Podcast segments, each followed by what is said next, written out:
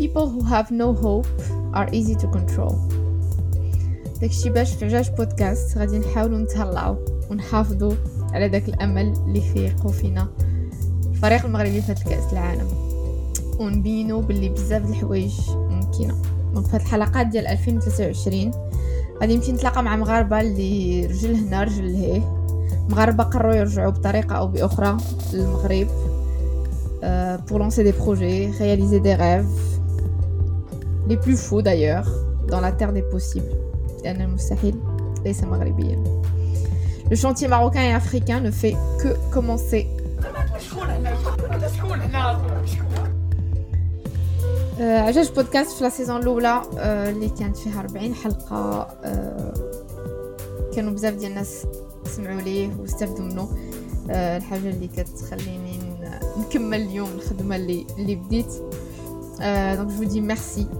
et euh, ravi que le travail des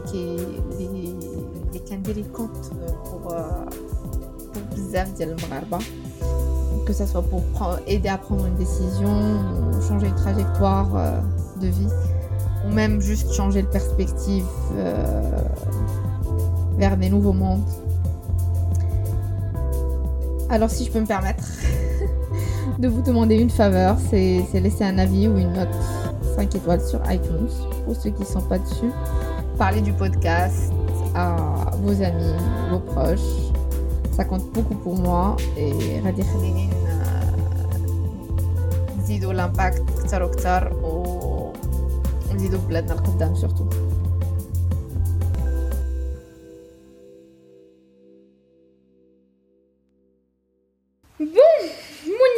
مرحبا بك je suis très contente de t'avoir euh, comme je viens de te dire et de t'accueillir euh, ici au Punjab. c'est en fait c'est rare que je c'est rare que j'enregistre en, en, physique vu avec les toutes les tous les événements qui ont eu lieu et le Covid, c'était un peu compliqué. Et donc euh, avec Mounia غادي نحاول نفتتحوا la saison 2 ديال Ajaj Podcast. Euh, l'idée c'est que غادي نقول لك اول سؤال c'est comment tu tu tu vas t'introduire auprès d'un une personne qui te connaît pas du tout dans une soirée. Je ne m'introduis pas. comment tu comment tu te Je vais commencer par salam alaikum. Ouais. Voilà, je m'appelle Mounia, je suis Mounia Aram. Euh, je suis née à Casablanca, mais j'ai grandi en France. Donc je suis venue en France bébé, hein, donc j'ai pas eu le temps euh, de grandir, j'ai pas eu la chance de grandir au Maroc, mais, euh, mais j'ai grandi à Trappes, dans une banlieue parisienne. Trappes, qui est une ville qui est connue, parce qu'on a, on a quelques célébrités qui sont sorties, de cette ville et que j'ai côtoyées d'ailleurs. j'ai fait de l'improvisation théâtrale avec Jamel Debbouze. j'ai été sa costumière pour son premier spectacle. Et, euh, et, puis sinon, quoi dire d'autre J'ai un parcours atypique. Je suis une autodidacte qui n'a pas validé son diplôme à l'université, mais qui a voulu euh, foncer et aller vers, vers, son rêve, qui était de, de travailler dans les médias, dans l'entertainment. Et j'ai découvert un, un, milieu incroyable qui est l'animation, la, les films d'animation. À quel moment... Euh... En fait, c'était quoi ton rêve d'enfant déjà? Mon rêve d'enfant. Comment il. Alors là. de marque? Ah, moi je voulais être actrice. Mais toute petite, hein, j'avais des photos de Catherine Deneuve accrochées au-dessus de mon lit. Donc euh, c'était mon, mon, idéal, c'était d'être actrice alors que j'étais une grande introvertie, très très très timide. Et, euh, mais, mais au fond de moi, je rêvais de, de la lumière. Et, ok. Euh, c'est assez contradictoire. Hein que d'être une réservée introvertie mais mais qui rêve d'être de, de, vraiment de, de s'exprimer et de jouer des personnages ça c'était mon rêve et euh, d'être sur scène et okay. euh, devant la caméra et donc من بعد tu m'as dit euh, tu avais ça ce rêve d'enfant qui qui se jouait j'ai vu que c'est ta sœur qui a un peu contribué à ça pour t'amener et t'embarquer, sortir de ta timidité, si tu peux nous, nous raconter une petite anecdote par rapport à cette partie ouais. de, de, ta vie. Monia qui sort un peu de sa coquille. Malgré elle. oh non, c'est grâce à ma sœur, oui, euh, Sophia, qui... Euh, c'est vrai qu'elle faisait de l'impro, elle était vraiment très, euh, très douée, très célèbre dans, notre, dans la ligue d'impro à Trappes. Et, elle était coach en même temps. Elle coachait l'équipe de Trap Impro Junior. Et je moi, je les suivais partout. Hein. J'allais voir les matchs, je rêvais en les regardant jouer. J'étais impressionnée et je rêvais d'être à leur place, mais je n'osais pas, hein, bien sûr. Mais euh, j'étais là, je les soutenais un peu comme une euh, pom-pom girl, hein, la grande mhm. supportrice, euh, fan number one de l'équipe Trap Pro Junior. Et, et un jour, Sophia s'est retrouvée dans une situation compliquée où il lui manquait une joueuse. Parce que dans les équipes, c'est trois garçons, trois filles et un coach, un ou une coach. Et là, une fille ne pouvait pas venir lors d'un déplacement pour un match à Nantes. L'équipe devait se déplacer à Nantes et malheureusement ses parents n'ont pas voulu la laisser partir et ma soeur était coincée. Et là, elle était à côté de moi dans le salon, à se dire comment je vais faire, comment je vais faire. Et elle me regarde, elle me dit bah t'as qu'à venir. Et moi, je pensais qu'elle voulait que je vienne comme supportrice, comme d'habitude. Hein. Mais non, elle m'a dit non, tu viens et tu vas jouer. Je dis ah bah non, c'est impossible. Et, euh, au, final, elle a réussi à me convaincre. J'ai fait quelques entraînements et la première expérience, évidemment, a été catastrophique. Hein. Mais, mais j'étais bien entourée. Les, membres de l'équipe, je les connaissais tous. C'était mes amis euh, de, lycée et euh, mes amis que je côtoyais dans mon quartier. Et euh, ils ont été très bienveillants, très gentils et m'ont encouragée. Et puis après, j'ai y pris goût. Je suis restée. Et ça, c'était super. Donc j'ai fait de l'impro pendant quelques années. on a été champion de France. Ouais, jusqu'à aller aux États-Unis. Après, au Canada. on a été au Canada où on a perdu. Hein. Mais, c'était une belle expérience. Ça valait le coup d'y aller déjà. C'est clair, on a joué contre les, équipes francophones surtout. Et, et euh, non, c'était une très belle expérience. Et c'est ce qui m'a donné aussi cet apprentissage de la prise de parole, euh, comment s'exprimer en public. Euh, et, comme je te disais, moi, j'aime pas avoir mes questions en avance parce que j'aime bien que ce soit fluide. Et c'est vrai que les techniques d'improvisation m'ont bien aidé à maîtriser mon discours. Et on me donne un thème et je réfléchis deux secondes et hop, hop, hop, hop, et je peux dire tout. C'est une sacrée force, en fait, pouvoir improviser. Exactement. Très compliqué. C'est très compliqué. Et c'est vrai qu'on avait des entraînements. On s'entraînait une fois par semaine. Et, euh, et c'était des entraînements d'une heure, deux heures. Et plein d'exercices à faire avant de se retrouver à pouvoir improviser devant 200, 500 personnes parfois. Donc c'était vraiment euh, une superbe expérience, une belle opportunité et de prendre la parole en public sans micro, sans texte, c'est euh, c'est assez balèze hein, quand Donc c'est cérébral, tu as ton fil d'imagination, j'imagine tu travailles sur des images peut-être, non? Je ne bah, sais pas. Euh, dans les exercices, on, s'entraîne, on nous donne des thématiques, on nous dit bah voilà, tu dois jouer la tristesse, t'es es sur un quai de gare t'es triste, vas-y, joue-nous ça. Et après, tu, dois euh, imaginer toute une scène qui doit durer deux minutes, trois minutes. Donc, tu vas pas rester juste à pleurer euh, sur une chaise. Donc, faut, faut qu'il y ait une histoire derrière. Faut que tu prennes le public. Alors, moi, moi, je trouvais ça plus facile de jouer la, des scènes tristes que des scènes drôles. Faire rire, c'est plus difficile. C'est très compliqué. C'est limite comme le stand-up euh, impro. Exactement, c'est pareil. Et aujourd'hui, ça moi, ça m'est super utile parce que je peux, euh, je peux faire des prises de parole en français, en anglais. Je suis, je suis toujours à l'aise. Euh, j'ai pas, j'ai toujours le trac, mais le trac c'est une adrénaline euh, qu'on a toujours quand on est sur scène, et je pense que même les plus grands artistes. Qui te booste aujourd'hui? Ouais, qui me booste. Ok. C'est plus un blocage parce que généralement en fait c'est le. Non, pas du tout. La limite. moi, quand on me demande viens, je dis ok. c'est parti. Allez, allons-y. ok, donc impro, on part en aventure des études un peu langue orientale. Oui. Pourquoi ça? C'est quoi ce, ce, ce, ce, renouement avec... Euh, euh, alors, c'était le... J'ai été à l'INALCO, l'Institut des langues et civilisations orientales, et j'ai pris l'option maghrébin. Euh, alors, après mon bac que j'ai eu avec beaucoup de mal, hein, je l'avoue, c'était, je suis pas très scolaire. Et euh, je savais pas. T'es une créative en fait. c'est peut-être ça, c'est peut-être Mais, mais je, ça veut pas dire que je suis bête. Hein. non, non, les diplômes, il y en a certains pour qui c'est plus simple que d'autres, mais moi, euh, voilà, je, ne savais pas ce que je voulais faire comme étude. J'avais toujours ce rêve hein, en moi, mais, mais en même temps, j'étais consciente qu'il fallait réfléchir à une carrière professionnelle. Mais quoi? Et donc, euh, comme j'étais aussi en mode introspection, à essayer de comprendre d'où je viens, qui je suis, parce que c'est pas en passant euh, un mois d'été au Maroc qu'on connaît notre culture. Bien sûr. Et c'est pas en faisant euh, les quelques pratiques culturelles ou religieuses qu'on a dans notre culture que je vais connaître. Mhm. Parce que si on fait le Ramadan, on, sait faire, on, on, fait la prière, on croit en, en Dieu ou pas, mais on a besoin de. Moi, j'avais besoin de savoir pourquoi C'est quoi l'islam et, et je me posais beaucoup de questions. J'avais vraiment beaucoup de, de points d'interrogation. À quel âge là? Bah, ça a commencé Tu très tôt. Ça avait commencé dès 12 ans. hein, je me posais la question. hein, et, et pourquoi on fait ça Et pourquoi Et c'est quoi Dieu Et, euh, souvent, il y a, il y a des réponses qui sont assez violentes. Tu dis, mais si, on croit en Dieu. Bon, Mm, ok. mm. Mais à- à- arriver à. à- T'as une ambiguïté entre ton environnement qui est la France, C'est ça. laïque, avec d'autres religions, et ce qui se passe à la maison. Et en Oui. fait, ça, c'est c'est une Oui. Dualité un peu compliquée à gérer pour un enfant et un ado. Bah, surtout que mes parents étaient quand même modernes, hein. on, on pratiquait, mais ils nous imposaient rien. hein. Donc euh, c'était la, la pratique, elle était là, et puis moi j'aimais bien cette pratique. hein. C'était Mhm. une bonne ambiance aussi, et, et d'être fier de nos- notre, cu- notre double culture. Mais comme tu le disais, on a une double culture. On est à la fois français et marocain et musulman, et, euh, et du coup c'est très. Il y a beaucoup de questions. Il y en a qui se posent des questions, il y en a pour qui c'est clair et ça va de soi. Mais moi c'était, j'avais ces questionnements, et donc j'ai choisi mes études en fonction de ça. Euh, j'avais envie de faire de la théologie au départ, mais Mhm. euh, ma sœur m'avait déconseillé un peu, m'a dit non, non, vaut mieux que tu fasses un truc plus général parce que là tu vas te retrouver à faire que de la religion, religion. Ah. C'est pas ça que je cherchais en fait. Ouais, et ouais. euh, elle, elle était déjà. de bons conseils. ouais. elle était déjà à l'INALCO, Sophia, donc et, et moi, je, du coup, je, je- je suis allée et j'ai adoré. J'a- J'avais des cours de dialectologie, de linguistique, euh, de langue maghrébine. Donc on, on a appris hein, le darija. Ah oui. Oui, savais pas que ça oui, existait, là, en phonétique. Hein. Et- Ok, j'apprends un truc. On avait de l'arabe littéraire aussi, mais là, ça, je maîtrise pas super. J'arrive à déchiffrer un peu en lecture, mais en écriture, je suis pas super bonne. Ouais. Mais, euh, mais surtout les cours d'islamologie, euh, les, les origines de l'islam. Qu'est-ce qu'il y avait après- avant l'islam et pourquoi? Qu'est-ce que la pr- pratique de l'islam? Et, et c'était hyper enrichissant et j'ai fait ça pendant trois ans. Pendant trois ans. Et au bout de trois ans, je me suis dit, qu'est-ce que je vais faire?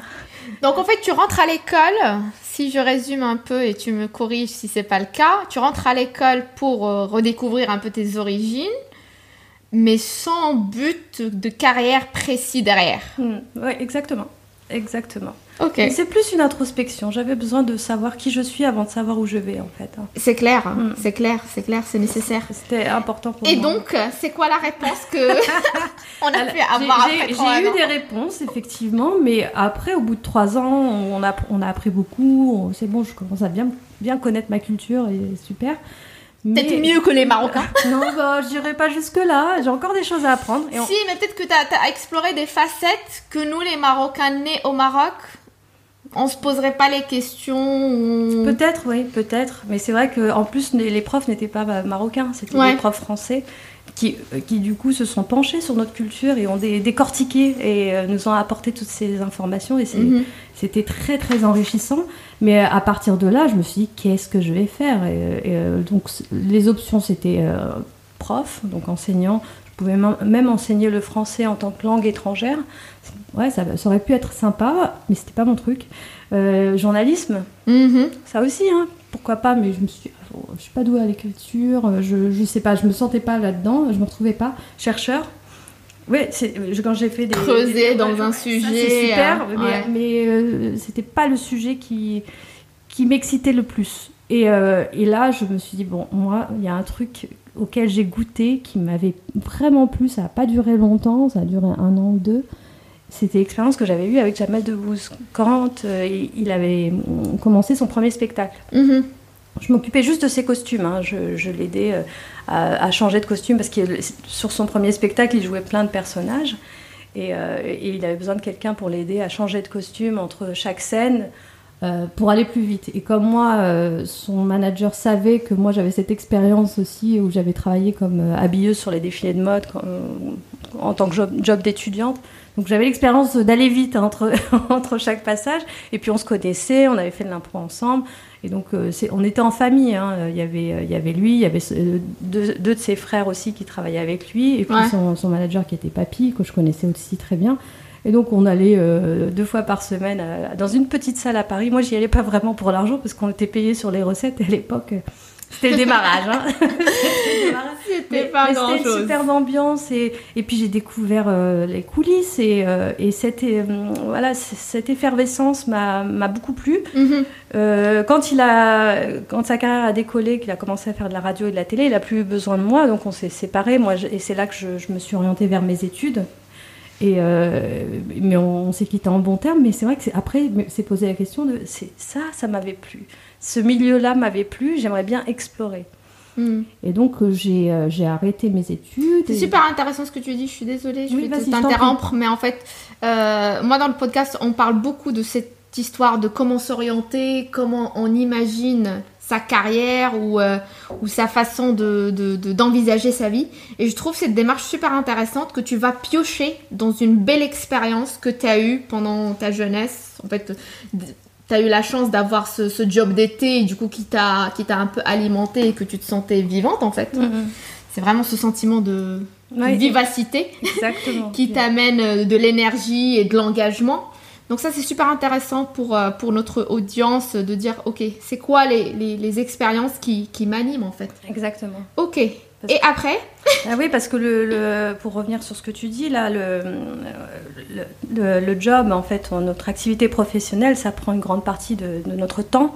Et si on, on ne s'y plaît pas, si on n'a pas... Euh, enfin, si on n'est pas heureux dans ce qu'on fait professionnellement, c'est difficile parce qu'on passe, je sais pas, 80% de notre temps. Esclave. voilà. Donc moi, j'avais pas envie d'y aller à reculons. Donc euh, en attendant, j'ai donc j'ai arrêté mes études et euh, comme j'étais chez mes parents, j'avais ce confort-là. Et donc j'ai envoyé mes CV un peu partout dans toutes les boîtes de, de production de spectacles à Paris. Et en attendant, j'étais, euh, j'ai fait des jobs d'hôtesse d'accueil. Donc je, faisais vraiment de l'alimentaire parce que certes j'avais un toit sur ma tête, mais, mmh, j'avais envie d'être mmh, un peu mmh. indépendante. Bien sûr. Et, euh, et malheureusement, j'ai eu un, un contretemps, on va dire. C'est-à-dire que mon CV a circulé dans tout Paris et une, une, personne dont je ne citerai pas le nom qui travaillait avec Jamel m'a, appelé pour me dire qu'elle avait mon CV et qu'elle avait dit que, que je n'avais jamais travaillé pour lui. Et elle, m'a appelé pour me dire arrête d'envoyer ton CV, arrête, retire son nom de ton CV. Et, euh, et, du coup, euh, je lui dis mais comment tu as eu mon CV En fait, c'est des sociétés qui ont voulu vérifier mes références. Et elle leur a dit que j'avais menti. Et quand je lui ai dit passe-le-moi, elle m'a dit non. C'est fini. Donc là, euh, moi j'étais très jeune à l'époque, j'avais une vingtaine d'années, mais mes jambes étaient sciées, j'étais encore en poste donc je pouvais rien faire, j'ai juste raccroché. Donc je lui ai demandé mais qui à qui tu as dit ça? Elle me dit je te le dirai pas et elle a raccroché et là euh, c'est compliqué de réagir à ça. C'est compliqué quand on est jeune et qu'on ne comprend pas mais j'ai pas menti. Elle me dit c'est pas parce que tu viens de Trappes que tu as travaillé avec lui. Je lui ai dit bah si. Elle me dit mais non. Je dis si si. Je lui passe-le moi. Mais elle a pas voulu me le passer et puis moi j'avais plus son numéro. J'ai pas cherché à le contacter après. J'étais anéantie, vraiment. Ça m'a. C'est très compliqué en fait. Ça m'a. Dur. Ben, ah. Ça m'a, ça m'a vraiment scié les jambes. Je suis rentrée chez moi. j'ai, pleuré pendant un mois, pendant un mois, un mois et demi. Mais après, euh, tu te dis qu'est-ce que je fais? Je vais pas me laisser abattre. C'est pas à cause d'une personne mm. qui m'a qui a voulu me détruire que je vais la laisser me détruire. C'est clair. Donc c'est vrai que ça a été dur. J'ai eu euh, une grosse déprime pendant un mois, un mois et demi. Ouais. Mais j'ai voulu me relever et j'ai pris mon téléphone et j'ai appelé euh, une de mes sœurs qui vivait aux États-Unis. Donc c'était pas Sophia, c'est une autre et elle vivait aux États-Unis à San Francisco. Je lui ai dit écoute, s'il te plaît, je peux venir chez toi. Elle était enceinte de son deuxième enfant. Je lui dis écoute, comme ça, je t'aiderai avec ta fille euh, qui était un peu plus grande, qui avait trois ans. Je lui dis et, j'ai vraiment besoin de changer d'air. Je lui dis là, je suis en pleine dépression. Je ne sais pas ce que je vais faire de ma vie. Hmm. changer d'environnement. J'avais besoin de changer d'environnement. J'étais euh, vivre chez ses parents tout en se disant qu'on n'a aucune perspective professionnelle, qu'on a. J'avais quel âge? Je 24 ans. Et là, je me suis dit bon, il faut que je parte.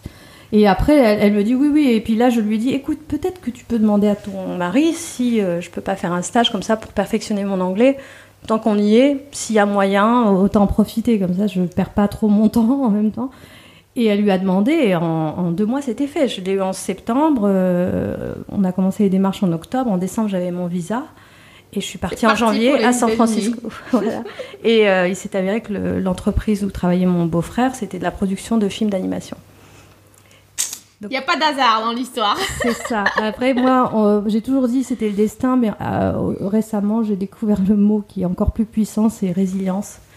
Et euh, le destin, c'est ce qui nous arrive, mais après, la résilience, c'est ce que tu fais de ce qui t'arrive. Parce que j'aurais pu rester euh, à pleurer sur mon canapé suite, à, suite à cette expérience parce que j'étais fragile. Et, mais j'ai pas voulu me laisser abattre. Ça a été dur hein, de se relever, hein, parce que moi, je compare mon mon parcours à combat de boxe. hein. Je me dis, Mm, on, on m'a mm. mis des coups de poing, je me suis retrouvée par terre, on m'a cassé le nez, mais je me suis relevée. Et l'important, c'est de se relever. Il faut trouver la force de se relever. Parfois, tout seul, on peut pas y arriver.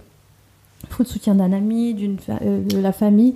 Moi, moi T'avais un support system familial quand même qui était super Ah ben, important. on est très proches, hein. on est tous- tous très proches les uns les autres et Mm. on ne peut pas se laisser défaillir parce que s'il y en a Mhm. un qui va mal, eh ben, les autres le voient et puis on, non, non, non, on se laisse pas aller. On y va, la vie est trop courte, la vie elle est belle. Hein. C'est Mhm. pas à cause d'une personne va- qu'on va se dire que la vie est pas belle. Non, elle est Mm. belle, c'est à nous de faire en sorte qu'elle aille mieux. Après, on, on pourra dire que j'ai eu cette chance-là d'avoir euh, mon réseau, mais on a tous un réseau, mine de rien. Je, je suis sûre qu'en creusant, on a tous, on peut avoir tous un, un contact spécial ou ce contact a un contact qui pourrait Exactement. nous aider. Donc, faut exactement. juste creuser. Il faut pas se dire que les autres ont de la chance. Ça, c'est quelque chose que j'ai découvert grâce à l'entrepreneuriat. Euh, parce qu'avant, quand tu es dans le mindset soit étudiant ou soit salarié ou autre, t'es pas du tout dans cet état d'esprit. Et en fait, euh, quand tu switches ou quand tu lances même un side project, peu importe, euh, moi le podcast par exemple c'est mon side project et j'en ai fait d'autres projets, mais euh, tu découvres la force, comme tu dis, du réseau et du contact et d'aller chercher les gens. Et en fait, on se donne tellement des blocages parfois dans notre tête, on dit bah non, euh, non, je peux jamais arriver à je ne sais qui, euh, Oprah Winfrey pour moi. Mais un jour, je pense que je vais y arriver. Bah ouais, non, mais moi j'ai toujours dit euh, qu'un jour, un jour j'aurai un, tro- un, un prix. Moi j'avais dit j'aurai un Oscar. Et puis j'ai eu un prix euh, l'année dernière. C'est pas un Oscar, mais j'ai eu quand même un C'est prix presque. des États-Unis. Bien sûr, bien Et sûr, une dit, reconnaissance ouais. internationale. Non, non, c'est ça. Et puis un jour, je serai aux Oscars. Mais non, mais je suis membre des Emmy Awards. Et puis ça, c'est pas mon réseau, c'est moi. C'est moi, c'est tout ce que j'ai bâti. C'est, euh, c'est en fait, tu crées ta chance. Tu crées ta chance, tu la saisis et tu te bats tu parce que tu, tu peux pas, euh, comme tu disais, c'est faut pas euh, se laisser euh, définir parce que les parce que les gens pensent de toi. Parce que tu vois, Ok, et donc les États-Unis, ça se passe. Alors, coup de foudre, j'imagine, dans les sociétés d'animation, de, de production d'animation? Bah, coup de foot pour les États-Unis aussi, hein, parce que c'est la mentalité américaine qui me convenait le mieux. En fait, c'est là que je m'en suis rendu compte. Que j'étais pas à ma place en France. Et pourtant, je suis là. non, mais en Ouais. fait, c'est- c'est drôle parce que tu vois, toute cette. ce- J'étais très complexée par le manque de diplôme parce que j'ai pas validé ma licence. Mhm, euh, mhm. qui est très important en France et au Maroc ça. aussi, on est très dans cet esprit de. Mais sauf qu'aux États-Unis, non, c'est ta personnalité qui, qui fait la différence. Et c'est vrai que moi, je suis arrivée là-bas toute petite, en plus, la belle-sœur du, pa- du patron, tu dis, bon, faut pas que je fasse de vagues, que j'y vais doucement. Mais après, ils m'ont- laissé faire, ils m'ont montré, ils m'ont tout expliqué. Et moi, je posais beaucoup de questions parce que, euh, étant euh, un peu complexée, je me disais, je comprends pas. Et j'avais pas honte, par contre, de demander, tu peux m'expliquer ça, je comprends pas. Et puis, il y a- il y, a un des grands patrons qui m'a dit, écoute, tiens, voilà, je te montre un, un contrat, lis-le et viens me voir. Il me dit, tu notes toutes tes questions. Je dis, d'accord, ok. Et là, je... mais il y avait des questions à chaque ligne. hein. Ah, chaque ah, phrase, ah, je comprenais ah, rien. En plus, c'était en anglais. Et, euh, et là, euh, je suis allée le voir et puis il prenait le temps, il m'expliquait. Et, et- et moi, je me suis révélée pendant ce poste. Mm. Parce que mon anglais, je savais pas qu'il était bon. Je me suis arrêtée à, à la terminale. Donc, euh, j'ai pas fait euh, d'études en, en En anglais. anglais à part, ouais. Donc, euh, arrivée là-bas, je découvre que mon accent est plutôt pas mal. Mhm. Et, euh, et puis Compréhensible déjà, c'est se faire comprendre et comprendre un petit peu. Ouais, et puis, et puis du coup, découvrir que je suis une bonne vendeuse, alors que j'ai pas fait d'études de commerce, je sais vendre. Et là, je me rends compte que j'ai un bon relationnel aussi. Et ça, c'est mes, mes patrons, parce que j'en ai eu plusieurs qui, qui me qui me comment dire manager et, euh, et j'avais une femme un- un- et un homme et euh, ils étaient marrants parce qu'ils me testaient à chaque fois ils m'emmenaient sur des événements ils m'ont emmené à New York et ils me laissaient T'embarquer dans des il me choses. laissait faire euh, discuter avec les gens et puis reculer pour voir comment je réagissais et comment les gens réagissaient avec moi. Trop bien. Et ça, euh, c'est après quand tu te retrouves dans le bain, Ouais. dans l'arène, tout T'as seul, pas le choix. t'as pas le choix. C'est comme l'impro. Voilà, c'est comme l'impro. J'ai retrouvé l'impro et là, euh, en plus, comme j'avais pas de de public, euh, que je- en fait, moi, quand je suis loin de ma famille, je suis moins réservée en fait, Ok. parce que je, je me sens moins euh, observée, jugée. Mm, mm. Et là, j'étais à l'aise, donc je parlais. euh, et puis, yeah, hi, I'm Monia. Tu vois, mon accent qui est blabla, très fluide. Et il me voyait parler avec des gens, mais très haut placés, facile. Et puis, le contact, super facile. Et hop, j'arrive à vendre un truc. Je fais, waouh, génial. Et, et après, j'y prends goût. Et puis, je, me, et je découvre le pouvoir de l'animation surtout. Ouais. Le pouvoir euh, de- des messages qu'on peut euh, faire passer, Faire par, passer, Les, par les mm. dessins animés. et aussi euh, combien ça pèse. Mm. Oh là là, mais surtout l'animation japonaise aujourd'hui, ça pèse des milliards. C'est vrai que c'est une industrie. Tu découvres qu'on vend pas que des dessins animés, on vend des dessins animés aux diffuseurs, mais on vend aussi des livres, on vend les mangas, on vend aussi euh, C'est une industrie à part entière. euh, des jouets, Mm. des t-shirts, des chaussettes aussi. Attends, mais C'est une économie, en fait. Avec tout, tout le merchandising, tous les Mm. produits dérivés. Et, et là, nous, on avait des pièces qui étaient vraiment composées de tous les produits dérivés. Et là, tu te dis, ouais, en fait, ça, ça me plaît. Parce que je voulais être, en fait, je voulais être dans le spectacle, mais non, je voulais être dans le- Business l'entertainment. aussi. euh, Ouais, ouais, et, le côté business me, Mm. me plaît beaucoup. Et, euh, et puis c'est gratifiant quand tu réussis à faire une vente et que tu arrives à rentrer de- du chiffre d'affaires. Bien Et, sûr. et puis de voir aussi le pouvoir qu'ont tes dessins animés sur, euh, sur le public. Mm. Sur, Mm. euh, donc il y a, y a tout le marketing aussi derrière. Et, c'est, et puis les- le relationnel. Moi j'adore en fait être en contact avec les gens. Et, et ça, je, je l'ai découvert au fur et à mesure euh, de mes expériences. Et je pense que c'est pas en, en étant assise euh, dans une salle de classe que j'aurais appris ça. Bien sûr, bien sûr, bien Ouais. sûr. Donc c'est super intéressant parce que tu as parlé de tes, ch- tes- tes chefs euh, américains. Ils mettaient en valeur ce qu'ils voyaient bien en toi. Alors qu'en France, je pense que ça aurait jamais pu avoir lieu. Bah, en, en rentrant en France, ça n'a pas été le cas. non, ça a été très on compliqué. va de pas te, en, en fait, on va te dire quand ça va mal, mais on va jamais te dire ce qui va bien. Ce qui va bien, mais c'est malheureux, mais c'est la on- réalité. on- je, je vais suivre la chronologie, mais tu- je te raconterai, oui, pourquoi j'ai monté ma boîte aussi. C'est parce que en France, je ne trouvais pas ma place. Ouais. Bah, on me ramène souvent ma- ma- mon manque de diplôme, euh, je rentre pas dans les cases, alors que. Ouais. Donc l'expérience des États-Unis. Après, tu restes longtemps aux États-Unis. Tu décides de rentrer en France. Je décide pas, j'ai pas eu le choix. Le concours des, des, des- J'avais pas la green card, euh, le visa, il, est- il- il- il- Il était prévu pour 6 mois, on a réussi à le prolonger euh, 9 mois, presque un an. Donc après, je suis rentrée. C'était triste. Oh, c'était dur de rentrer. Oh là là là là. Le retour en France. Hmm. Tu sais, tu rentres. euh, de- C'est de- limite un autre choc culturel. Bah, c'est ça, parce que moi, je rentre de San Francisco avec le sourire, la banane. Je vais faire du, juste faire les courses. Et je dis bonjour à la, à la caissière. Je dis bonjour, vous allez bien? Elle me dit on se connaît. Je dis bon, ben non. Ouais, pas encore. euh. Alors qu'aux États-Unis, on dit Hi, how are you? Mais mon père qui est allé aux États-Unis me dit c'est comme, c'est comme au Maroc, c'est comme les musulmans. euh, Ils, te, Mm. ils te disent euh, comment tu vas? Et alors qu'en France, C'était très suspect. On est resté très bloqué. C'était euh, très suspect. hmm. Et moi, j'ai eu une petite phase où je j'allais pas bien. Enfin, je me suis dit mais qu'est-ce que je fais là? Qu'est-ce que je fais là? Mais j'avais pas le choix. J'avais pas le choix, il fallait que je rebondisse et, et je voulais rester dans ce secteur. Donc je me suis accrochée aussi et j'ai multiplié les expériences ici. Et donc, c'est quoi la, la prochaine étape ou les prochaines étapes que tu décides de- d'entamer après les États-Unis? Alors, de bâtir ma carrière en France. Parce qu'après tout, euh, c'est plus simple. Big challenge. Challenge. Pour moi, je m'étais dit, c'est plus simple, j'ai les papiers français. Voilà. C'était, euh, c'était ça, parce que je ne pouvais pas retourner aux États-Unis, à part si je me mariais là-bas, mais non, bon, il n'était pas question. Mais je me suis dit, il faut que je bâtisse ma carrière en France, il faut que j'y arrive. Mhm. La famille peut filer un coup de main, mais après, pour les, les- les expériences que j'ai eues, je les ai eues moi-même. Lui m'a fait rentrer dans le business et ça, je, le remercie toujours. Mais, mais après, je me, suis dé- déployée et développée vraiment euh, seule à travers mes expériences. Mais ça, a été très, euh, très compliqué, très difficile. euh, bah, ouais, comme je l'ai déjà répété, l'absence de diplôme, j'y ai été confrontée. Être une femme. Euh, parfois, c'est, on est, il y, a- il y a des clichés, il y a toujours des, des, euh, des euh, remarques euh, Déplacée. Qu'est-ce que tu fais là Ouais, qu'est-ce que tu fais là? Et puis oui, t'es jolie, t'as qu'à t'as qu'à t'habiller comme ça, et peut-être que ouais.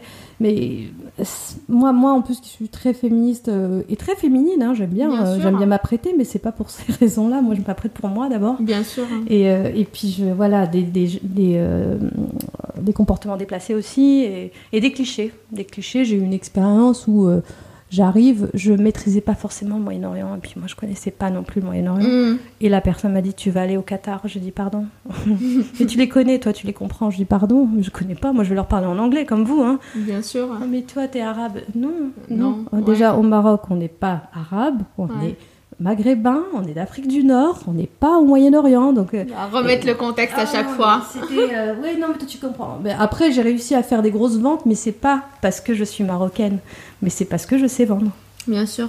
Et, euh, mais ça, ça c'est, Oui, c'est des petits clichés, des petits. Après, j'ai pas voulu me formaliser là-dessus au départ. Mais c'est vrai que l'accumulation, après, c'était fatigant. C'est, ces, ces remarques et ces, ces commentaires commençaient à, m- à- à- à me fatiguer, ouais. C'était quoi ta, ton, ton mécanisme de défense Ou juste pour garder euh, la tête euh, clair, au clair, je dirais, Euh, pour que ça affecte pas ton Bah. travail par ailleurs Parce que c'est- dur en fait. Euh, C'est très dur. Après, c'est peut-être pour ça que j'ai eu multiplié les expériences et que j'ai pas eu. euh, je suis pas restée 10 ans dans une société. Parce que, oui, en plus, j'ai du caractère. et euh, quand au bout d'un moment, euh, on fait trop de remarques déplacées, bah, je, je claque la porte. Bien sûr. Parce que moi, euh, je l'ai dit aussi souvent à, à des patrons, j'aurais dit, moi, je préfère être au chômage qu'être malheureuse. Alors, c'est pas parce que c'est Mm. pas parce qu'on va me, me me dénigrer, me dénigrer dans mon travail ou me ramener à ma condition de femme en disant bah toi tu ouais mais t'as des enfants, faut que tu restes à la maison. Non mais non, je peux voyager et ça c'est mon problème. Ça ne vous regarde pas. Et donc oui, ça m'est arrivé de claquer la porte, ça m'est arrivé de de de pas prendre un job ou de ou de- dès l'entretien de me rendre compte que la personne en face de moi est pas très cool, donc je répondais. Mais ouais, mon mécanisme de défense, c'est de me dire et de m'accrocher à ça, c'est que la vie est trop courte et j'ai pas envie, euh, excuse-moi d'être vulgaire, qu'on m'emmerde. Mhm. Je veux pas me laisser m'en- emmerder parce, parce que je suis une femme, parce que je suis plutôt petite et que voilà, je devrais être fragile, euh. euh, typée, fragile, euh, mère de deux enfants. euh, non, non. D'abord, quand on voit, quand on parle business, on va parler business, on va pas parler de ma condition. Euh, Regardez-moi en tant que personne qui fait du business. Bien sûr. Pas femme, pas mère, pas épouse, pas maghrébine, rien. Oubliez tout ça. Les étiquettes, ouais, les étiquettes. Il y en a beaucoup. Ok, donc on passe sur pas mal d'expériences, on multiplie les expériences pour euh, un peu avoir une certaine légitimité et, et se comment dire s'équiper pour, euh, pour, le, pour cette industrie monstre finalement. C'est une industrie monstre. Ouais. Euh, comment, comment tu décides de faire ta place? Mounia, Aram, comment elle décide de faire sa place dans ce, dans ce monde un peu de, de jungle? Bah, je crois que le côté obstiné. Hein, c'est, euh, je veux pas lâcher. J'adore ce, milieu. Et c'est quoi le plan? Le plan, euh, écoute, je, je, je t'avoue qu'au départ, j'avais pas de plan. hein. Ouais. Oui, oui, bien sûr. Le on plan passe est- toujours par ces étapes-là. Ouais, le plan, il arrive après, mais c'est vrai qu'au bout d'un moment, à, à me dire, je multiplie les expériences, mais peut-être que je suis pas faite pour être salariée. C'est peut-être ça mon problème. Ça m'est arrivé ça aussi. Ah, non, mais je me suis dit, euh, non, mais il y a un truc qui cloche. C'est pas les, c'est peut-être pas les, les employeurs ou mes collègues le problème. C'est peut-être moi. Ouais. Dans le sens où je suis pas faite pour entrer dans ce moule-là. Sauf que il est difficile de passer à l'étape entrepreneuriale parce que c'est un, c'est un saut vers l'inconnu. Bien sûr. Il y a beaucoup de risques. Il y a tout à créer en fait. Il faut Il y a tout est tu crées ta façon d'être et ta façon. Et il faut avoir une vision, il faut avoir une stratégie. Et aussi, on n'est pas encouragé. Bien Parce sûr. que euh, par bienveillance, hein, la famille n'est pas tr- ne te recommande pas. hein. Moi, moi, je sais que mes frangins me disaient euh, non, non, non, tu ferais mieux d'être salarié. euh, c'est pas fait pour toi. T'es trop stressée, t'es es trop nerveuse. Ouais, mais en fait, c'est ça où, je, comme je le disais tout à l'heure, je veux pas être malheureuse. Je veux être heureuse et épanouie dans ce que je fais. Et, euh, et c'est vrai que j'ai mis du temps avant de me lancer dans l'entrepreneuriat parce que de, de tous ces a priori-là et toute cette peur. Mais, mais comme Qu'est-ce qui t'a aidé Si ça peut nous. Qu'est-ce qui m'a aidé à y aller Ça peut illuminer l'au- l'audience qui nous écoute? Qu'est-ce qui t'a aidé à, à casser tous ces préjugés, ces. euh, ces- Et, ces écoute, je crois que j'ai pas eu le choix en même temps. Ok. Encore une fois, tu vois, encore une fois, j'ai pas eu le choix. J'étais dans une phase où euh, j'ai quitté un job parce qu'il y a eu des- trop, de, trop de comportements déplacés dans, dans, dans la boîte où j'étais. Et je, Mhm. me suis, euh, je, je me suis retrouvée au chômage et, et je me suis dit, qu'est-ce que je fais? J'ai fait un peu de freelance en étant auto-entrepreneur. Bon. C'est la petite transition. La petite transition, mais voilà, sans vraiment de vision entrepreneuriale, parce que c'était vraiment du freelance Mhm. où je facturais les clients. Toujours je- dans le même industrie, on est Toujours dans la même industrie. J'ai même travaillé pour, euh, pour Canal où j'étais acheteuse pour eux en, en freelance. J'ai fait trois mois, un petit, une petite mission. Donc c'était super de passer de l'autre côté. Et euh, avec, encore une fois, c'est mon réseau. J'ai un gros carnet d'adresses et ça, ça m'aidait à avoir des, des missions. Mais, euh, mais passer le cap de l'entrepreneuriat, j'ai j'ai pas osé y penser en fait. Je me t'ai dit, je fais ça en attendant de trouver un autre job. Mhm. Mais c'est c'est la rencontre en fait d'un autre entrepreneur qui euh, m'a qui m'a dit oui, écoute, euh, ça serait bien qu'on monte une boîte ensemble. euh, toi, tu viens de l'animation, nous, on vient pas de l'animation, mais tu- on pourrait profiter de ton expertise et tu pourrais profiter de notre expertise d'entrepreneur, qui eux, ils étaient dans le milieu, hein, dans les médias, Mm. mais pas dans l'animation. Et je me suis dit, why not? Parce que j'ai trop peur de me lancer toute seule, donc ça serait pas mal de. De s'associer C'est plus rassurant. gens. Bien sûr, bien sûr. Plus rassurant. Donc on a créé une boîte ensemble en 2018. Mm. tous les trois. Donc il y avait un homme, une femme et moi. Elle, euh, elle, elle faisait du documentaire, lui euh, plutôt des sports. Mhm. Et moi, j'arrivais avec l'expertise animation, donc on voulait vraiment monter un- une entreprise qui s'adressait à la famille, de contenu pour enfants. Et euh, au fur et à Ça, ça mesure. date de quand? 2018. 2018. Donc au fur et à mesure, moi, je me suis dit, mais moi, j'aimerais bien. euh, j'ai rencontré des, des talents africains, j'aimerais bien m'orienter vers l'Afrique. Mhm. Mais euh, mes, mes associés ne mettaient pas trop le nez dans, le, dans, la, dans la stratégie, mais jusqu'au au point où ils se sont dit Mais attends, il n'y a rien qui rentre comme argent. Mais je dis Oui, mais ça met, ça met du temps, l'animation. Ça, met du temps déjà à constituer un catalogue, on met du temps à en vendre. Et là, ils m'ont dit Mais non, on a, nous, on a des catalogues chinois qu'on pourrait vendre tout de suite. Et moi, je dis Non, moi, ça m'intéresse pas. Moi, je veux vraiment aller vers l'Afrique. Et, euh, et là, on ne s'est pas trop entendu. Et je leur ai dit, cassé. voilà, je leur ai dit, écoutez, on- je pense il vaut mieux qu'on s'arrête là. Ils l'ont mal pris. Ça s'est mal terminé. Ça s'est très très mal terminé. Ça a duré combien de temps?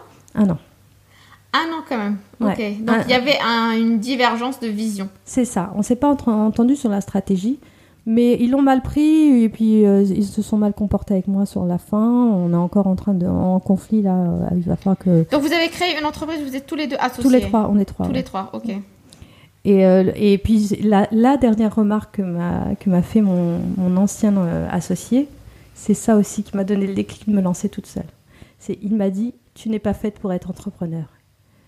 Et là je, vais- je l'ai regardé, je me suis dit alors toi mon coco je vais te prouver challenge. que je suis. Alors je sais pas c'est quoi ce trait de personnalité, c'est un ah côté C'est- En fait, on va challenger ce que les gens ils vont pas penser que tu es capable de faire. Ah, comme plus- tu as toujours fait en fait. Ouais, plus tu me dis que t'es pas capable, plus j'ai envie de te prouver que t'as tort en fait. Ouais. Il m'a dit que j'étais pas faite pour être entrepreneur et que de toute façon, j'étais pas une bonne vendeuse. Bon, je dis ok. Euh, Il est fâché parce que j'ai, il est pas content que je parte, parce que c'est moi qui ai apporté l'expertise en animation. Oui, les gens ils, euh, Ouais. ils, ils agissent par leur peur et leur. euh, Ouais, mais après ça s'est très mal. Je vais pas rentrer dans les détails, mais ça s'est très mal passé.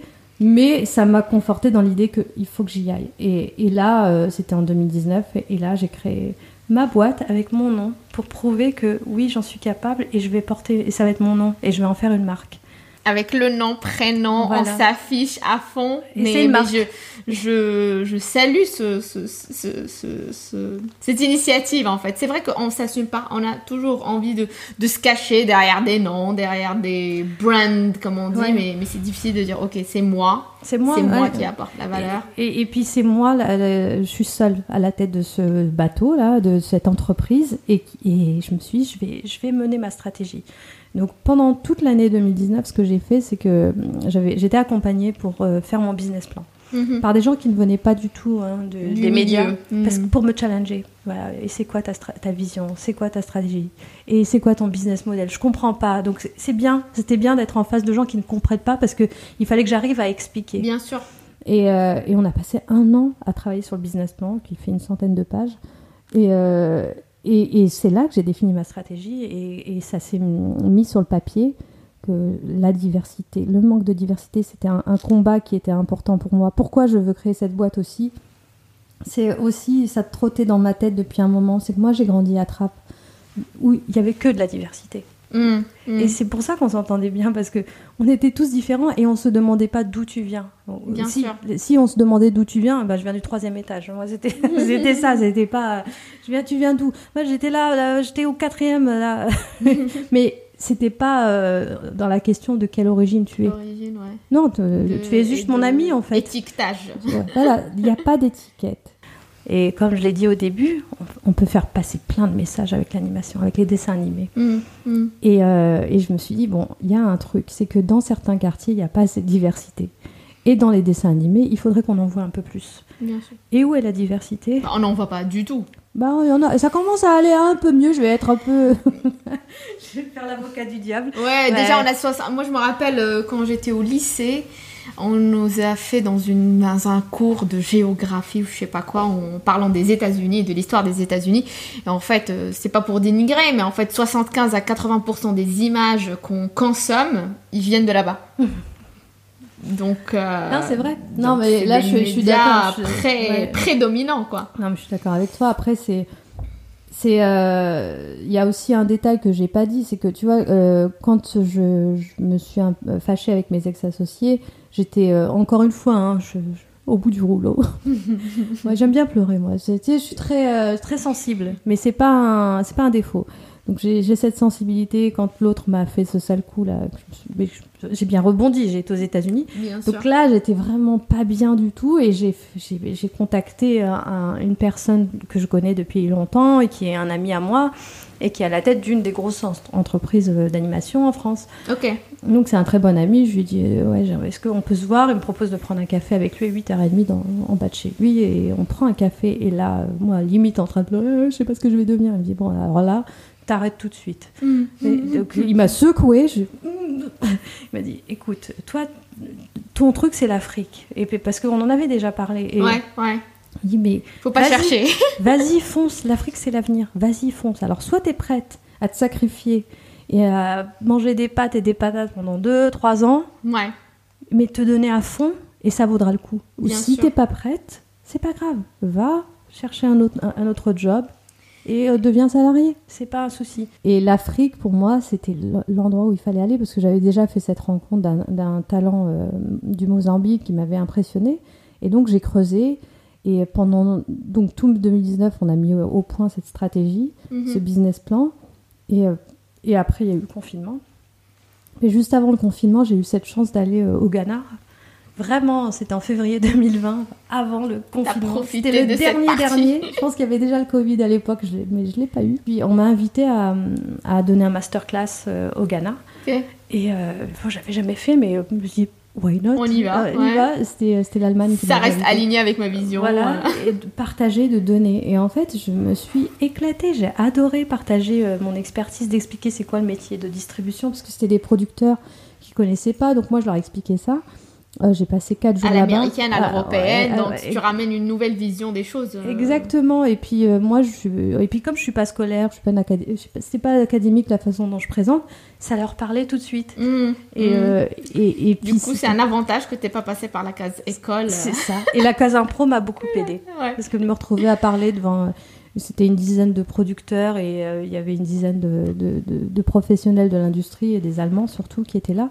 Donc moi j'étais à l'aise, j'avais mon micro, pas préparé, pas de PowerPoint parce que j'aime pas les PowerPoint. je parlais, j'expliquais. Et, euh, et depuis j'ai encore gardé des, des bonnes relations avec les personnes que j'avais rencontrées à cette époque-là. Et ça m'a donné vraiment envie et, ça m'a boosté dans l'idée que j'étais dans le vrai, qu'il fallait que je continue. Mhm. Pour moi, être entrepreneur, c'est avoir une vision, une passion et être porté par ce qu'on fait. Bien sûr. C'est la, la tu, as, tu as trouvé la voie. J'ai trouvé ma voie. Comment ça se passe pour les, pour les euh, awards? Ah. Qu'est-ce qui fait, euh, qu'est-ce qui fait qu'on t'a remarqué? Parce que c'est c'est justement, tu sais, le. D'ailleurs, quand j'ai eu ce prix, j'ai reçu un mail et je, moi, j'ai cette habitude de. Dès que je me lève, je regarde mes mails et j'ai même pas pris mon café. Je croyais que c'était une blague. Donc j'ai dit, je vais prendre mon spam. café. Je vais prendre mon café d'abord et après on verra. Donc je prends mon café, je relis et là je fais ah non c'est pas une blague. hein. Et en fait euh, donc c'est le Black in Animation Award. Donc c'est aux États-Unis, c'était la deuxième année et euh, là ils m'ont remis le prix dans la catégorie euh, innovatrice culturelle. Et dans le mail, il m'expliquait clairement qu'il euh, voulait féliciter mon engagement envers la cause noire et africaine. Donc là, quand tu vois dans le jury Netflix, Nickelodeon et Disney, tu te dis bon ben, je pense que c'est pas un spam déjà. et là, ça m'a conforté dans mon dans mon combat. Qu'est-ce qu'on présente pour une genre, ce genre de compétition? C'est quoi? Qu'est-ce que tu as présenté? présenté. C'est juste. C'est euh, moi, c'est mon engagement. C'est ton engagement, ton, ac- ton Mon activité sur les réseaux? C'est en fait c'est mon entreprise qu'on félicite. C'est parce que c'est vraiment l'engagement. C'est ce qu'ils ont dit dans le message. C'est l'engagement qu'on félicite. C'est pas un contenu qu'- qu'ils ont voulu récompenser. C'est moi et mon engagement. Ok, ok. Et, et je trouve c'est justement ça qui a été très euh, encourageant. C'est une preuve que tu existes en fait. J'existe et que ce, et que je fais est nécessaire. est nécessaire. Ouais. Ouais. Hmm. Et ça, c'est plein de choses que je mets en place. C'est pour ça que je ne suis pas productrice, je ne suis pas distributrice. Non, je suis entrepreneur.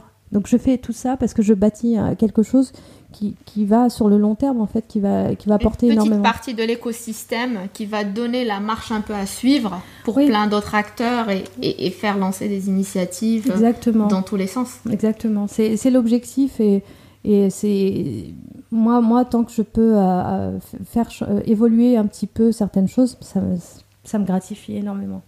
Ok, alors que je me penche sur le sujet du Maroc. Oui, Parce qu'on est sûr. toutes les deux marocaines, quand même. Arrive. Et, et HH Podcast reste un podcast que on va discuter avec les Marocains autour du Maroc, même en partie. Surtout cette saison 2, comme j'ai euh, j'ai- j'ai souligné au début. Donc, à quel moment tu décides ou tu, tu envisages d'installer des studios au Maroc? Bah, dès la création de mon entreprise. Ok, donc ça faisait partie de la vision. Du business plan, ouais. Du le, le business plan, c'était euh, ouverture de Mounia Aram Compagnie euh, en France, En France, et la filiale au Maroc. euh, et pour moi, euh, il fa- Maroc, c'est évident. Maroc, c'était une évidence, non seulement parce que c'est mon pays d'origine, mais aussi c'est la porte d'entrée vers l'Afrique. Le Maroc, en fait, euh, il s'est positionné, pour moi, je pense, euh, là, ça fait vraiment des discussions récentes avec des amis, mais pour moi, il y a deux ans peut-être, ou même trois ans, que le Maroc, pour la première fois, il tourne un peu le dos à l'Europe Mm. et il se, se dirige vers l'Afrique. Ouais. Ce qui n'était pas le cas, ça n'a jamais été le cas avant. Oui, Donc, ils étaient vraiment- déjà tournés vers l'Afrique, mais ils ne fermaient pas la, la porte à l'Europe. Mais, mais là, c'est vraiment recentré sur l'Afrique. Et- Et, euh, et moi, dans mon chemin, en fait, même géographiquement, tu vois, c'est, je suis à- en France, il y a, il y a la, euh, je veux, je- j'ai cette vision africaine. Donc, le premier pied, le- la porte d'entrée, c'est le Maroc. Et euh, j'ai des partenariats en- au Ghana, en Afrique du Sud. Donc, ma filiale, elle, elle- elle est basée au Maroc. Donc là, elle est créée depuis, euh, euh, depuis juin 2022, euh, administrativement. Mhm. Mais la vision depuis le départ, c'était que le bureau parisien, c'était un bureau. Euh, donc on chapeaute tout, on pilote tout à distance. Mais euh, au Maroc, c'est un studio. Un studio C'est la où on production. va fabriquer. On Ouais. va fabriquer du contenu, mais pour fabriquer, il faut former. Parce Mm. que je ne suis pas dupe. hein. Il y, a, y a beaucoup d'autodidactes. Mais si on veut parler vraiment d'une industrie, il faut faire former. les choses bien. Il faut former si on veut être au niveau international. Et là, je, je suis ravie d'avoir signé un partenariat avec l'école des Gobelins, l'école Mhm. d'animation, qui est la, la meilleure école d'animation au monde. Donc moi, je vais apporter l'excellence au Maroc en termes de formation en animation. On, a signé ce partenariat pour euh, former au sein de mon studio. En fait, les, personnes que je vais recruter vont passer par la case formation avant de commencer à travailler concrètement. Et l'idée, c'est de développer la vraie formation en animation. Donc, on discute aussi avec des universités euh, au Maroc pour euh, qu'il y ait un master en animation qui soit euh, présent dans les universités marocaines. Trop bien. Et, euh, et on lance euh, un, un summer school au Ghana au mois de juillet 2023. Mm, Voilà. mm, Donc on mm. arrive avec ce partenaire qui n'est pas n'importe qui, qui est quand même le- le- l'école d'animation euh, la, la plus reconnue, qui a un, gros partenariat avec Netflix en France, euh, dont les, euh, les étudiants qui sortent de, des Gobelins à Paris sont immédiatement, même avant de terminer, avant même d'avoir leur diplôme, ils sont recrutés par Disney, Pixar aux États-Unis. Donc euh, c'est pas n'importe quoi parce que moi je voulais pas non plus euh, arriver et former juste euh, en prenant des coachs à droite à gauche. Non, moi je voulais Mhm. vraiment apporter l'excellence. J'ai envie qu'on parle d'une vraie industrie d'animation en Afrique et euh, au Maroc, on, on travaillera sur des euh, histoires africaines. Donc ça sera pas que des histoires marocaines. Il y aura Bien des histoires marocaines. Moi j'ai deux beaux projets sur lesquels je suis en train de travailler. Donc avec des personnages marocains. C'était une des questions. Voilà. C'est Mais- quoi le super-héros marocain ou marocaine ou super-héroïne marocaine qui te tient à cœur de mettre en avant par de Ah, l'animation je sais pas si je peux en parler tout de suite euh, dans le podcast parce que c'est vrai qu'il y a, y, y une super héroïne qui me plaît beaucoup et je suis en train de, de négocier. Ok. Donc il y aura, il y aura des histoires marocaines. Négocier avec sa famille. Si on peut diffuser l'histoire.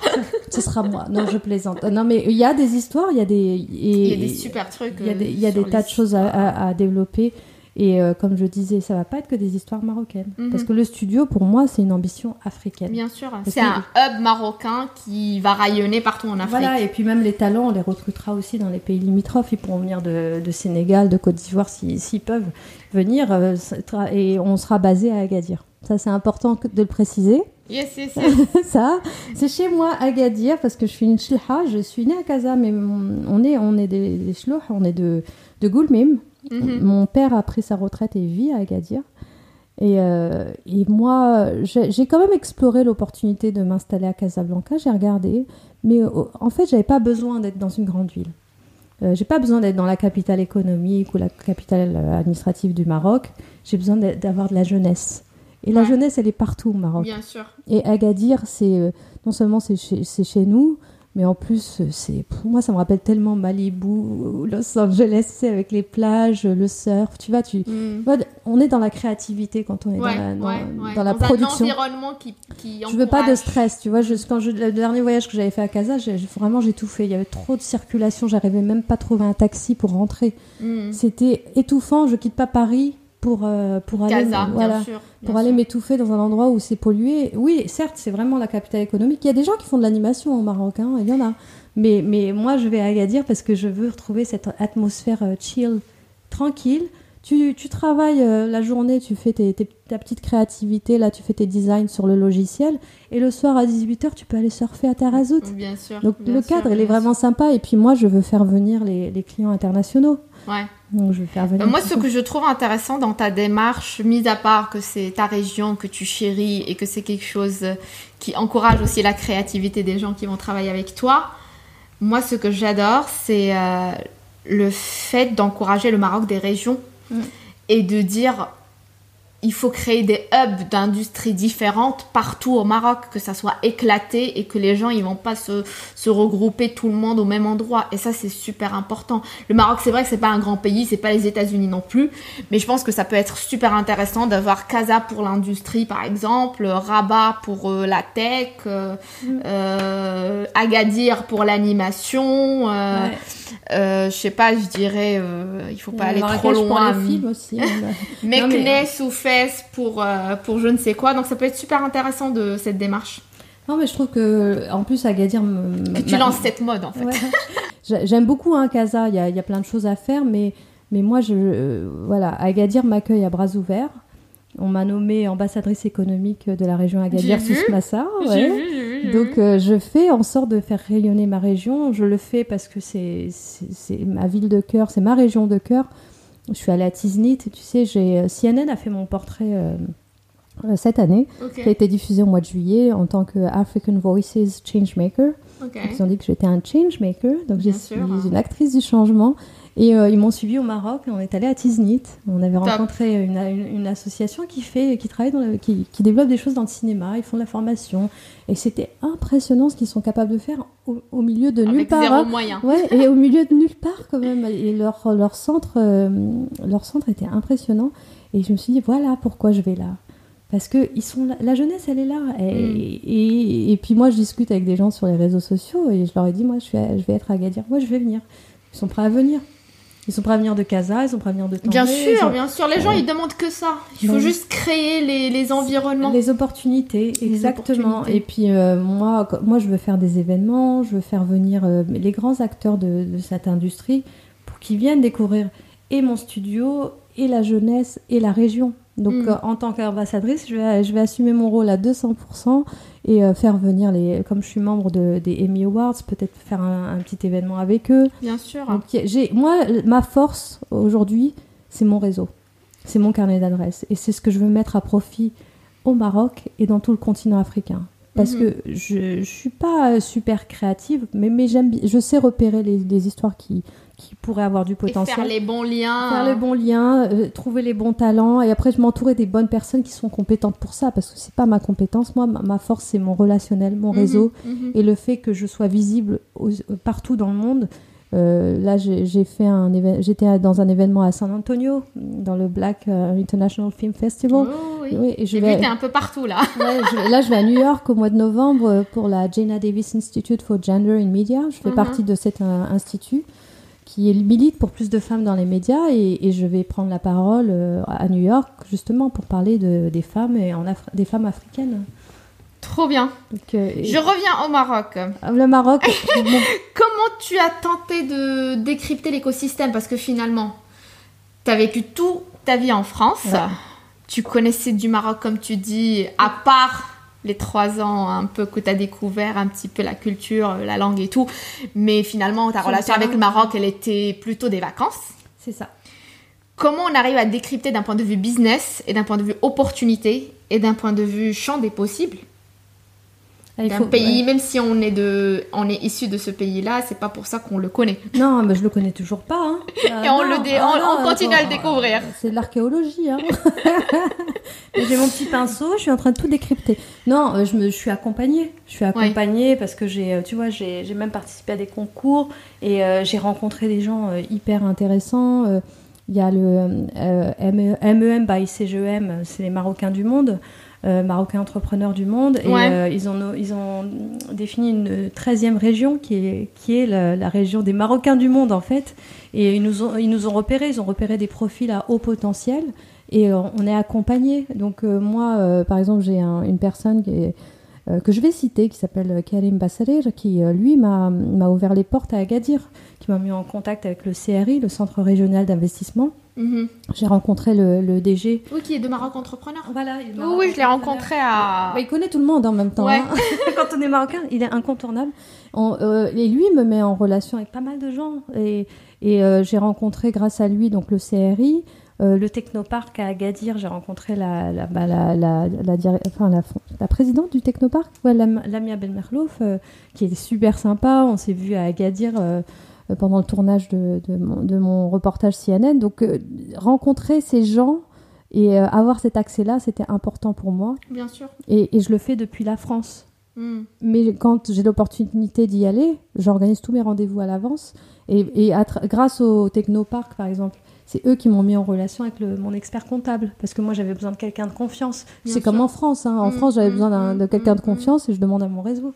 Et là, j'ai demandé, et c'est été recommandé par le Technopark. Et, et là, c'est le CRI qui m'accompagne dans mes démarches euh, de demande de financement. Il, me, il, il, regarde mes business plans, il me dit si ça, ça va passer, parce que moi, je connais pas tous les coûts, par exemple. Bien sûr. Donc, euh, euh, grâce à, Karim, tu vois, il m'a ouvert des portes et il, m'a introduit dans des réseaux de Marocains, Marocains du, monde. Là, grâce à, ce réseau-là, je vais à, à Casa fin novembre pour un, un salon de l'entrepreneur où je vais parler. Et euh, justement, en tant que euh, femme entrepreneur de la diaspora marocaine, mhm. et, tout cet écosystème, tu vois, si tu en, arrives à en faire partie, ça, ça permet de décrypter un peu plus facilement les rouages. Et ça peut décoincer aussi certaines choses parce que mon métier, mon business, euh, mon industrie est quand même assez nouvelle. Et il faut comprendre quel est le business model derrière? Comment je, peux, je vais générer de l'argent? Et, et, quelle est la valeur ajoutée pour le Maroc? Et si on ne comprend pas et qu'on ne maîtrise pas, on mettra pas, et les portes vont avoir du mal à s'ouvrir. On peut en parler là un petit peu ou pas? De... Du business model. Parce que moi, ça me ça m'intrigue. Je viens pas du tout de ce milieu. ça peut peut-être aussi éclairer euh, les gens qui nous écoutent. Bah, l'idée, c'est quoi le en, deux mots? Oui, en deux mots, euh, peut-être plus que deux mots, mais le business model. Alors, comment tu peux générer des revenus avec euh, l'animation? Déjà, tu vends les dessins animés. que tu crées. Que tu crées, mais tu sais que la création prend du temps. Il mm-hmm. faut un an, deux ans, voilà. Euh, moi, moi, mon business model ici en France, c'est que je, fais, je suis agent, donc je vends des contenus de, producteurs tiers, et c'est comme ça que j'arrive à faire des revenus. Et puis je suis aussi consultante, mais pour le studio au Maroc, on va faire de la prestation de service. C'est pour mhm. ça que je, veux, je, tiens absolument à former les talents, parce que si, par exemple, un studio français, il, y a une partie de, des travaux de sa série d'animation, par exemple, animer les personnages pour qu'ils bougent, faire bouger leurs bras, leurs mhm, têtes, leurs mhm, jambes. Ils vont le faire en Chine. Bah non, ne le faites plus en Chine, venez au Maroc. On est à 3 heures de vol, on parle français et il y a la plage.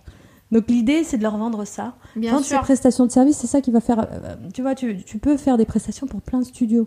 Hmm. Plein de studios, pas qu'en France, hein. en Europe, aux États-Unis. Il y en a plein qui font ça. Parce qu'il y a beaucoup de, de, studios qui se rabattent sur l'Inde, la Chine. Et nous, on a cet avantage-là, c'est la proximité et la langue. Bien sûr. On parle aussi bien français qu'anglais au Maroc. Bien sûr. Et même de plus en plus de jeunes parlent mieux l'anglais. L'anglais, bien sûr. Et donc, un des business models, c'est ça. C'est la prestation de service qui va nous permettre de tenir le temps que nos productions soient produites. Et là, et vendre euh, au voilà, grand, euh, Netflix vendre au grand, exactement. euh, Et là, mais de toute façon, les, les, les grandes plateformes, elles s'engagent très tôt sur les projets. Donc Ok. elles, mettent, elles mettent une avance et après, euh, on, on continue. On, il faut bien gérer les, les dépenses, mais en tout cas, de toute façon, c'est des projets sur lesquels on fera des coproductions. On travaillera pas tout seul dessus Bien parce que sûr. c'est c'est comme ça que tout le monde fonctionne. Ouais. Les studios font des coproductions avec d'autres studios. C'est super euh, ambitieux en fait. moi, j'ai j'ai dit que je voulais être le Pixar africain. Moi j'adore Pixar ce qu'ils font, mais j'ai trop envie de. J'ai hâte de Ah voir ce Comounia arabe. Inch'Allah, Inch'Allah, écoutez, on, on- on y travaille. Et, Ouais. et comme je l'ai dit récemment sur une autre table ronde, Mhm. être ambitieuse, c'est pas un gros mot. Bah, pas du tout. Et on fait, peut être une moi, femme et être c'est ambitieuse. magnifique, c'est Voilà, il magnifique. faut avoir de l'ambition parce que après on se donne les moyens d'y arriver. Et puis si on n'y arrive pas, c'est pas grave. Au moins on fait le maximum pour s'en rapprocher. Il faut s'en chemin. rapprocher de toute façon. Mais moi, je, Exactement. je- je suis assez confiante sur le fait qu'il faut bien s'entourer et euh, avoir le bon réseau. Et c'est vrai qu'au Maroc, il y a, il y a aussi des, des, euh, des difficultés auxquelles euh, je vais être confrontée, des, euh, des gens qui ne sont pas forcément contents que j'arrive, par exemple. Mm, mm, Ça, mm. c'est des choses dont on peut parler aussi, hein, parce que il y, a, il y a des gens qui font, qui font un peu d'animation et qui pensent que euh, voilà, ils, sont, ils voient pas d'un très bon œil mon arrivée, mais moi, j'arrive pas euh, en prenant. En de- concurrençant. Non, on puis surtout regarder le nombre de studios d'animation qu'il y a au Maroc.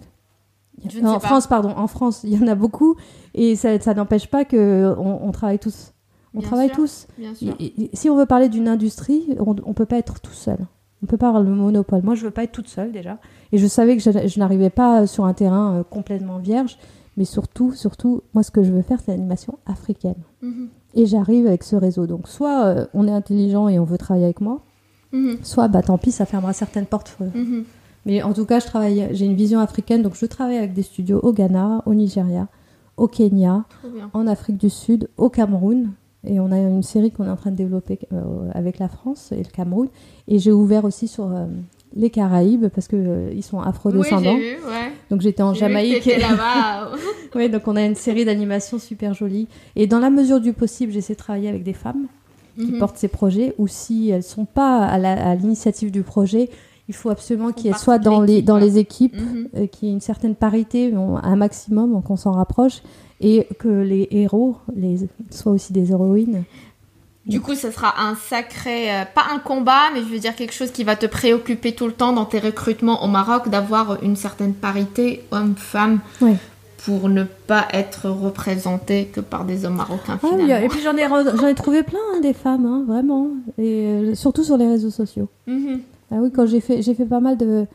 Euh, j'ai été visible sur, dans les médias marocains. Mhm. Euh, C'était sur 2M, euh, sur El Aoula aussi. J'ai fait de la radio et Brut Maroc aussi. Ouais, oui, et oui, et ils m'ont- ils, ils m'ont repéré comme ça. Certains m'ont contacté. Puis moi, je réponds. hein. Après, c'est vrai que parfois, je mets un peu de temps. Euh, Désolée, excusez-moi.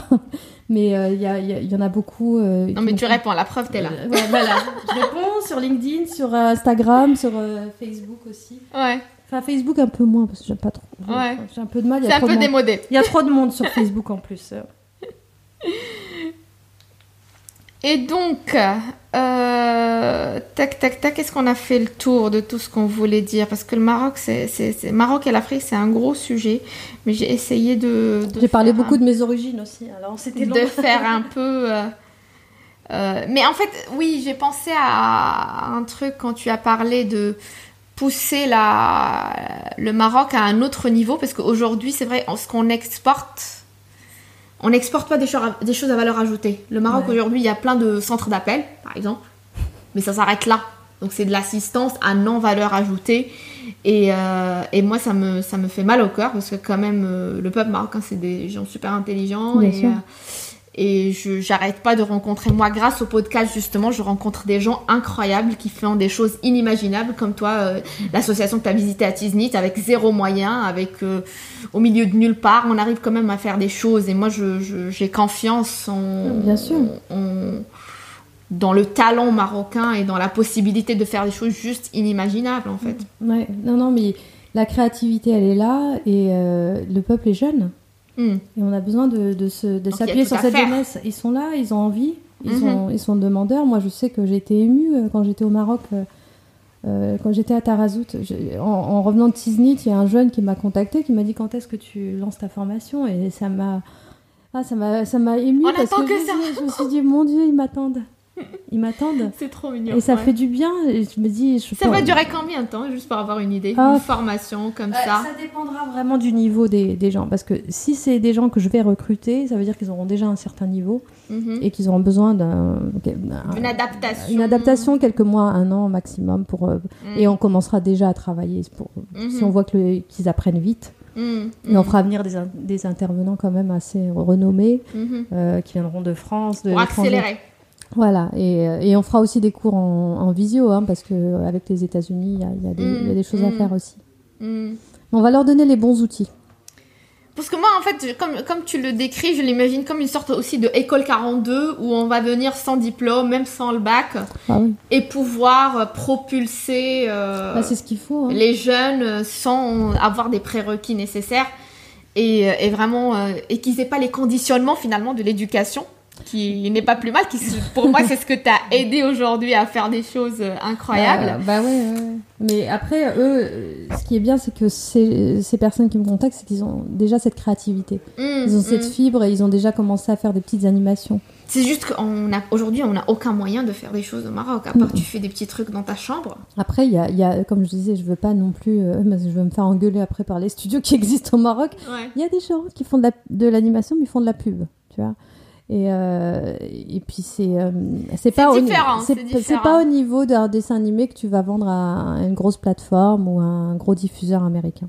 bien Parce qu'il y a des, re- il y a des euh, comment on appelle ça des, j'allais dire en anglais, mais des requirements et, et des, Des exigences, en- exigences, voilà, ouais. qu'il faut qu'il faut maîtriser. Il faut remplir des cases. Malheureusement, c'est technique. oui c'est ça doit être très parfait C'est très technique. ça doit être ouais, parfait exactement. donc euh, t'as pas le choix T'as pas le choix. pas le choix. Donc euh, ouais, il y a des il y a des animations, il y a des choses qui sont faites, mais après il faut pouvoir bien les animer, il faut bien euh, que ça soit parfait. Vraiment, moi je veux qu'on soit compétitif sur la scène internationale parce que l'ambition elle est là. Moi Mm. je l'ai, mais je veux pas qu'on se limite quoi, que- et qu'on se dise ah ben non je vais je vais faire de, de l'animation juste pour diffuser euh, au Maroc, au- en Afrique ou, ou au mieux au, Moyen- au Moyen-Orient. Hum, hum, Mais non, moi je vise le monde.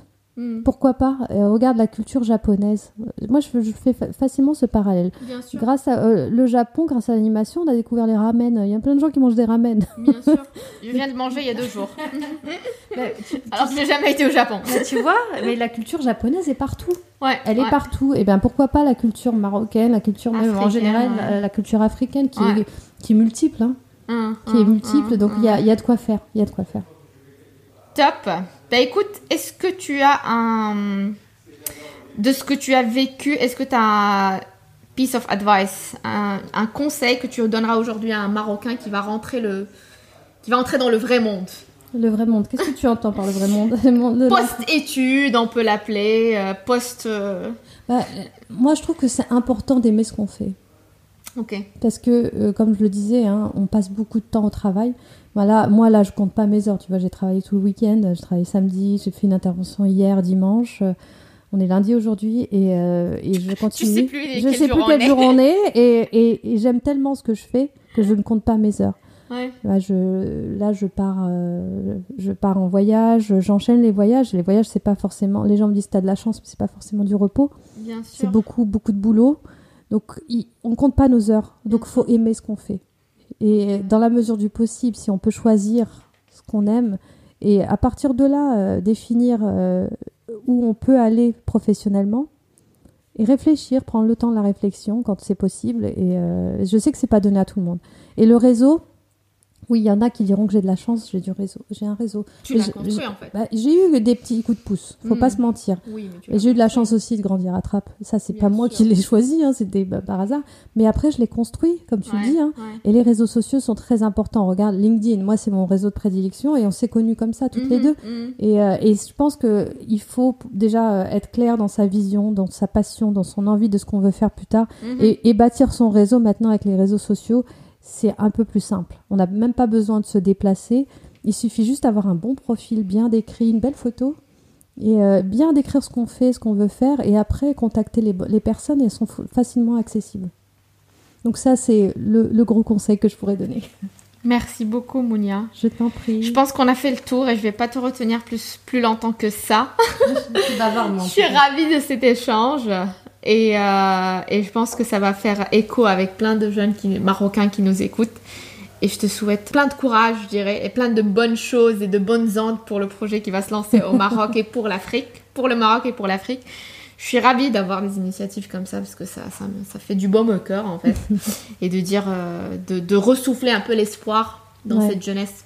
Ah, mais il faut, il faut. Merci beaucoup, Sarah. Alors, si je peux me permettre de vous demander une faveur, c'est laisser un avis ou une note 5 étoiles sur iTunes pour ceux qui ne sont pas dessus.